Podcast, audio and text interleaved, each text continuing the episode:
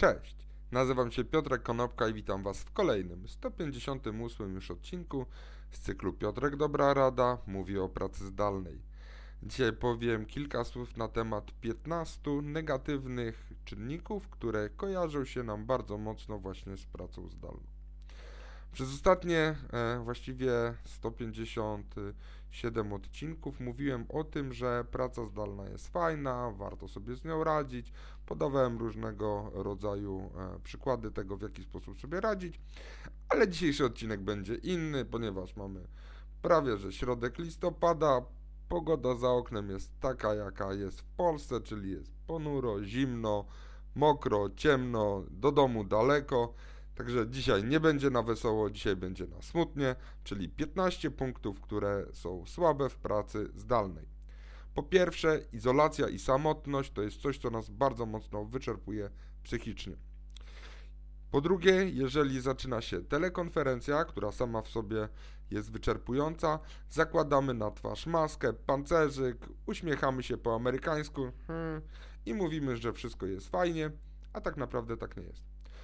Po trzecie, trudno jest budować relacje z kimś, kogo się nigdy w życiu na oczy nie widziało, a właściwie nie widziało się go samodzielnie, na własne żywe oczy. Nie mówimy o oglądaniu tej osoby przez kamerkę na telekonferencji. Po czwarte, bardzo trudno jest pracować w zespole, jeżeli tych ludzi nie widziało się nigdy na żywo. I nie mówimy tutaj o zespołach, które pracowały przez dłuższy czas już samodzielnie, stacjonarnie i przeszły na pracę zdalną.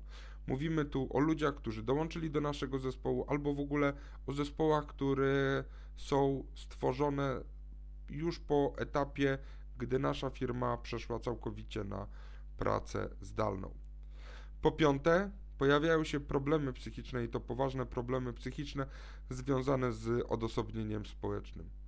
Po szóste, ograniczona liczba interakcji społecznych jest problemem nawet dla introwertyków. Czyli jeżeli lubicie siedzieć sami w domu, to nagle się okazuje, że e, to siedzenie samemu w domu nie jest takie fajne, jakby, jakby się wam wydawało, aczkolwiek znam przykłady ludzi, którym to siedzenie w domu bardzo odpowiada. Szybciej się wypalacie zawodowo, to jest punkt numer siódmy. Punkt numer ósmy, trudno jest wyłączyć się na koniec dnia pracy w domu, czyli pracujemy dłużej, jak to ktoś ostatnio powiedział, pracuje się 8 godzin, czyli od 8 do 8. Kultura organizacyjna w firmie wchodzi na całkowicie inny poziom komplikacji i nie umiemy tego ogarnąć. Dziesiąte, komunikacja jest bezosobowa, komunikacja staje się asynchroniczna i tak naprawdę rozmawiamy z pudełkiem do monitora, a nie rozmawiamy z ludźmi. Po jedenaste, pracodawcy nie dostrzegają rosnącego niezadowolenia pracowników w odpowiednim, szybkim tempie i nagle może się okazać, że w firmie nie ma już kto pracować, bo wszyscy są niezadowoleni i się pozwalniali.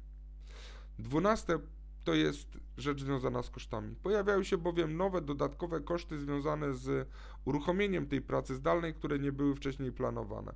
I mówimy tutaj zarówno o komputerze, o urządzeniu y, biura w domu, czy w e, mieszkaniu człowieka, który do niedawna przychodził do biura, ale też mówimy o powierzchniach biurowych, które stoją całkowicie puste, a które musimy nadal wynajmować i nadal ogrzewać.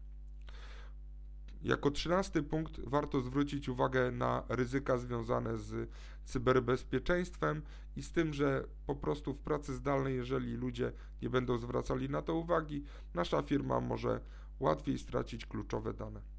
Jako punkt 14, przedostatni, warto zwrócić uwagę na to, że pracownicy, którzy osiągają ponadprzeciętne rezultaty, mogą być łatwo pominięci. Dodatkowo może się zdarzyć, że zaczniemy dyskryminować niektórych ludzi, których nigdy w życiu na oczy nie widzieliśmy, lub faworyzować tych, których kiedykolwiek widzieliśmy na oczy i nasza relacja z nimi jest bliższa. I piętnasta, ostatnia pozycja na liście tych negatywnych czynników Łatwo jest śledzić pracownika, nawet do przesady, ponieważ najczęściej nie ma żadnych formalnych mechanizmów, które to ograniczają. Dzisiaj, w ten ponury listopadowy dzień, zrobiłem odcinek o tym, jakich to jest 15 negatywnych czynników związanych z pracą zdalną. Ale nie bójcie się, pojutrze zrobię 15 czynników pozytywnych, które będą związane z pracą zdalną. Dzięki serdeczne, do zobaczenia i usłyszenia pojutrze, bo jutro jest e, weekend długi, także dzięki serdeczne, na razie.